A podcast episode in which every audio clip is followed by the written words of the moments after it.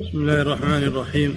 الحمد لله رب العالمين والصلاة والسلام على نبينا محمد وعلى آله وأصحابه أجمعين. أما بعد قال المؤلف رحمه الله تعالى وعن سمي مولى أبي بكر بن عبد الرحمن بن الحارث بن هشام عن أبي صالح السمان عن أبي هريرة رضي الله عنه أن فقراء المسلمين أتوا رسول الله صلى الله عليه وسلم فقالوا يا رسول الله قد ذهب أهل الدثور بالدرجات العلى والنعيم المقيم. قال وما ذاك؟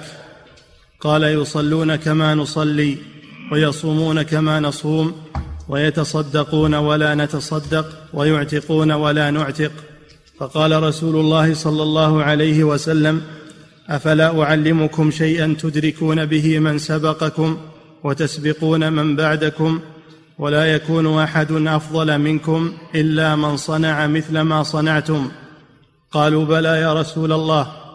قال تسبحون وتكبرون وتحمدون دبر كل صلاة ثلاثا وثلاثين مرة. قال أبو صالح فرجع فقراء المهاجرين فقالوا سمع إخواننا أهل الأموال بما فعلنا ففعلوا مثله. فقال رسول الله صلى الله عليه وسلم ذلك فضل الله يؤتيه من يشاء. قال سمي فحدثت بعض فحدثت بعض أهلي بهذا الحديث. فقال وهمت إنما قال لك تسبح الله ثلاثا وثلاثين وتحمد الله ثلاثا وثلاثين وتكبر الله ثلاثا وثلاثين. فرجعت إلى أبي صالح فقلت له ذلك فقال قل الله أكبر وسبحان الله والحمد لله حتى تبلغ من جميعهن ثلاثا وثلاثين. بسم الله الرحمن الرحيم. الحمد لله رب العالمين. صلى الله وسلم على نبينا محمد وعلى آله وأصحابه أجمعين. أما بعد فأول هذا الحديث فيه تنافس الصحابة رضي الله عنهم في الأعمال الصالحة. وآخره فيه بيان الذكر الذي يقال بعد الصلاة المفروضة وهو محل الشاهد للباب. جاء فقراء المسلمين إلى رسول الله صلى الله عليه وسلم فقالوا يا رسول الله ذهب أهل الدثور يعني أهل الثروة والمال ذهبوا بالأجور. فقال النبي صلى الله عليه وسلم وما ذاك؟ ما هو السبب؟ هذا فيه أن المفتي يستفصل من المستفي حتى يبين له الحكم بوضوح فشرحوا له السبب. قالوا يا رسول الله يصلون كما نصلي ويصومون كما نصوم. لأن هذه العبادات ما تحتاج إلى مال تساوى فيها الغني والفقير. الصيام والصلاة تساوى فيها الغني والفقير. وهذا من تيسير الله لهذه الأمة تيسير الخير للناس أن هناك عبادات ميسرة لا تحتاج إلى إلى مال. يصومون كما نصوم ويصلون كما نصلي ويتصدقون ولا نتصدق. ويعتقون ولا نعتق. هذه المزية التي امتاز بها الأغنياء أنهم يتصدقون من أموالهم والفقير ما يستطيع يتصدق. ويعتقون يعتقون العبيد ويحررونهم من الرق. العتق فيه فضل عظيم. العتق فيه فضل عظيم. من اعتق رقيقا وحرره فهذا من أفضل العبادات والقربات. وقد شرع الله العتق في الكفارات حث عليه تحرير رقبة يعني اعتاق. فالعتق فيه فضل عظيم. فقال رسول الله صلى الله عليه وسلم ألا أعلمكم شيئا تدركون به من سبقكم وتسبقون به من بعدكم ولا يكون أحد مثلكم إلا من فعل مثل ما فعلت قالوا بلى يا رسول الله فرحوا بذلك شيء لا يكلفهم المال. ومع هذا يلحقون به من سبقهم ويسبقون به من بعدهم. هذا فضل عظيم. قال صلى الله عليه وسلم تسبحون الله وتحمدونه وتكبرونه دبر كل صلاة ثلاثا وثلاثين. فهذا فيه فضل الذكر بعد الصلاة. دبر يعني بعد دبر الصلاة يعني بعد الصلاة. ويطلق ويراد به آخر الصلاة. والمراد به هنا ما بعد الصلاة. ثم لما سمع الأغنياء بهذا فعلوا مثل فعل الفقراء. فجاءوا مرة ثانية إلى النبي صلى الله عليه وسلم فقالوا سمع إخواننا بما نقول. فقالوا مثل ما نقول. قال صلى الله عليه وسلم ذلك فضل الله يؤتيه من يشاء. الله جل وعلا يؤتي فضله من يشاء. فالأغنياء أعطاهم الله المال يتصدقون منه ويعتقون ويشاركون الفقراء في الأعمال الأخرى. هذا فيه أن ألغني من المسلمين أنه لا يتكبر بغناه وثروته وإنما يجتهد في العبادة وكغيره. فلا يطغى, يطغى بماله وينسى ذكر الله عز وجل. لا تلهكم أموالكم ولا أولادكم عن ذكر الله. من يفعل ذلك فأولئك هم الخاسرون. فالثروة الحقيقية هي الأعمال الصالحة. أما ثروة الدنيا فهذه إن كان وفق صاحبها لبذلها في الخير فهي زيادة خير.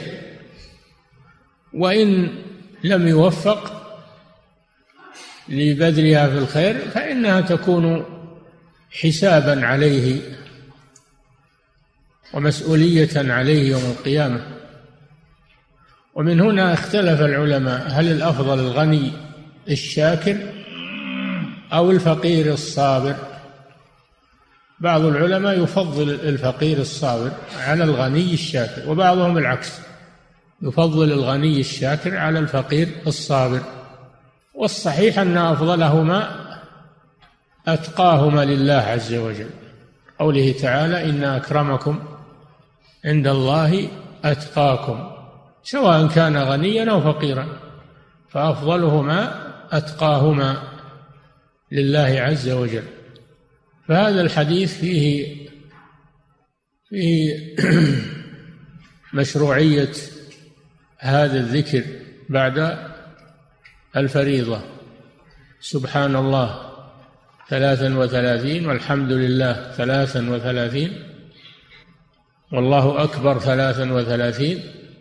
هذه تسع وتسعون كلمة يتمها بلا إله إلا الله وحده لا شريك له له الملك وله الحمد وعلى كل شيء قدير تمام المئة كما جاء في الأحاديث وهذا دبر كل صلاة من الفرائض الفجر والظهر والعصر والمغرب والعشاء كل كل فريضة. يستحب أن يأتي بهذا الذكر. وقد ورد أنه صلى الله عليه وسلم إذا سلم من الصلاة. استغفر الله ثلاثا. وهو متوجه إلى القبلة. ثم يقول اللهم إنك أنت السلام ومنك السلام. تباركت يا ذا الجلال والإكرام. ثم ينصرف إلى أصحابه بوجهه. ثم يكمل الأذكار. وهذه الكلمات الثلاث التي كل واحدة يأتي بها ثلاثا وثلاثين. ظاهر الرواية الأولى أنه يأتي بالثلاث جميعا. سبحان الله والحمد لله والله أكبر. سبحان الله والحمد لله والله أكبر إلى أن يكمل ثلاثا وثلاثين. ولا مانع أن يستعين على العد بأصابعه. يعدها بأصابعه يعقد الأصابع أو يعدها بالحصى. أو بخرزات السبحة لا مانع أنه يستعين على العد بهذه الأمور ولكن الأصابع أفضل. الأصابع أفضل لأنه يستعمل أصابعه في عبادة الله عز وجل فهي أفضل.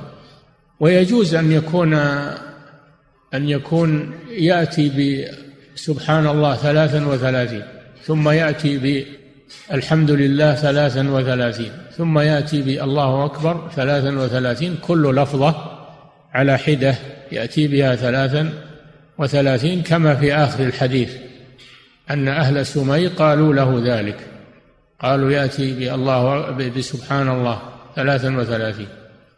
والحمد لله ثلاثا وثلاثين. والله أكبر ثلاثا وثلاثين. فكلا الصفتين جائزة سواء سردها الثلاث جميعا ثلاثا وثلاثين أو أتى بكل لفظة على حدة ثلاثا وثلاثين ولكن الصفة الأولى أيسر وأظهر لأن الراوي لما راجعه لما راجعه السائل أعاد عليه أنه يقول الثلاث الكلمات سردا ثلاثا وثلاثين. وهذا أيسر من أنه يفرد كل كلمة ثلاثا وثلاثين وإن فعل فلا بأس بذلك. وفي الحديث أن الغبطة في أعمال الخير أنها محمودة. الغبطة في أعمال الخير والمنافسة محمودة كما قال صلى الله عليه وسلم لا حسد إلا في اثنتين والحسد المراد به هنا, هنا الغبطة. رجل آتاه الله المال سلطه على هلكته في الخير ورجل آتاه الله علما فهو يقوم به ويعلمه. فالغبطة في أمور الخير محمودة لأنها تدل على الرغبة والتنافس. أما الغبطة التي هي الحسد وهي تمني زوال النعمة عن المحسود آية محرمة وكبيرة من كبائر الذنوب كبيرة من كبائر الذنوب. وربما تحمل الإنسان على الكفر كما حصل لإبليس لما حسد آدم حمله ذلك على الكفر والعياذ بالله. وكما حصل لليهود لما حسدوا محمدا صلى الله عليه وسلم حملهم ذلك على الكفر وهم يعلمون أنه رسول الله لكن كفروا به من باب الحسد حسدا من عند أنفسهم من بعد ما تبين لهم الحق.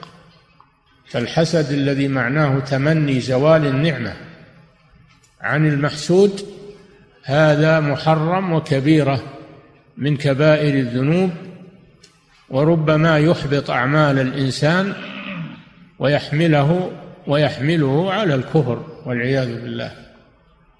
أول ما حصل هذا من إبليس مع أبينا آدم وكذلك بين ابني آدم إذ قربا قربانا فتقبل من أحدهما ولم يتقبل من الآخر حسده وقتله.